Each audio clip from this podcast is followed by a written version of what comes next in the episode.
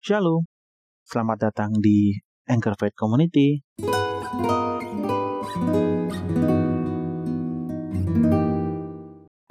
Apa kabar nih teman-teman? Semoga semua sehat-sehat ya. Hari ini kita akan kembali lagi bersama-sama bersaat teduh teman-teman dengan tema yang sangat menarik yaitu tes kritik. Teman-teman aku ajak untuk bersama-sama membuka Imamat 19 ayat 15 sampai 18. Janganlah kamu berbuat curang dalam peradilan.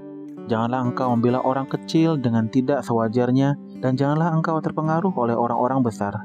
Tapi engkau harus mengadili orang sesamamu dengan kebenaran.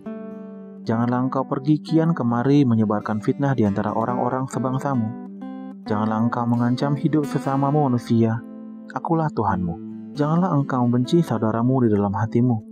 Tapi engkau harus berterus terang menegur orang sesamamu, dan janganlah engkau mendatangkan dosa kepada dirimu karena dia. Janganlah engkau menuntut balas, dan janganlah menaruh dendam terhadap orang-orang sebangsamu, melainkan kasihilah sama manusia seperti dirimu sendiri. Akulah Tuhan. Setelah selesai berkhotbah tentang karunia-karunia rohani, sang pendeta disambut oleh seorang wanita di pintu gereja. Wanita itu berkata, Pak Pendeta, saya yakin bahwa saya memiliki karunia untuk mengkritik. Sang pendeta berkata, apakah Anda ingat orang yang memiliki satu talenta dalam perumpamaan Yesus? Ingatkah Anda apa yang dilakukannya dengan satu talenta itu? Ya, jawab wanita itu. Ia pergi dan mengubur talentanya.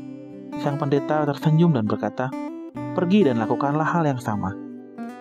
Kritik yang tidak disampaikan dengan kasih dan keinginan tulus untuk menolong dapat menjadi kritik yang kejam dan menghancurkan. Di dalam Imamat 19 ayat 17 menuliskan, Engkau harus berterus terang menegur orang samamu dan janganlah engkau mendatangkan dosa kepada dirimu karena dia. Kata-kata ini didahulukan peringatannya agar tidak menebar fitnah dan memelihara kebencian. Kita dapat menentukan kapan kita perlu dan tidak perlu mengkritik dengan menanyakan tiga pertanyaan berikut ini kepada diri kita. Yang pertama, apakah motivasi kita adalah untuk menolong orang lain? Yang kedua, apakah kita akan berterus terang tapi dengan lembut? Yang ketiga, apakah kita melakukan hal ini untuk Tuhan atau karena kita memang senang untuk mengkritik orang lain? Jika tujuan kita adalah untuk menolong, memotivasi kita untuk mengasihi, dan kerinduan kita untuk menyenangkan Allah, maka kita boleh untuk mengkritik. Namun, jika kita tidak melewati ketiga tes tersebut, janganlah kita berkata apa pun. Ya, teman-teman, sungguh sangat menarik ya renungan kita dan firman Tuhan yang kita boleh dengarkan pada hari ini. Kita mungkin sering teman-teman dengan mudahnya melontarkan kritikan-kritikan kepada orang-orang di sekitar kita. Mungkin kita merasa kita mengetahui apa yang benar dan mungkin kita mengetahui apa yang lebih baik untuk dilakukan orang tersebut.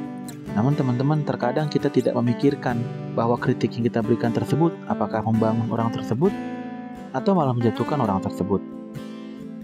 Melalui firman Tuhan dan renungan kita pada pagi hari ini kita kembali diingatkan lagi teman-teman bahwa sebelum kita mengkritik orang lain, kita harus menanyakan tiga pertanyaan ini. Pertama, apakah motivasi kita? Kemudian, apakah kita akan berterus terang dengan lembut? Dan yang ketiga, apakah kita melakukan hal ini untuk Tuhan atau karena memang kita senang mengkritik saja?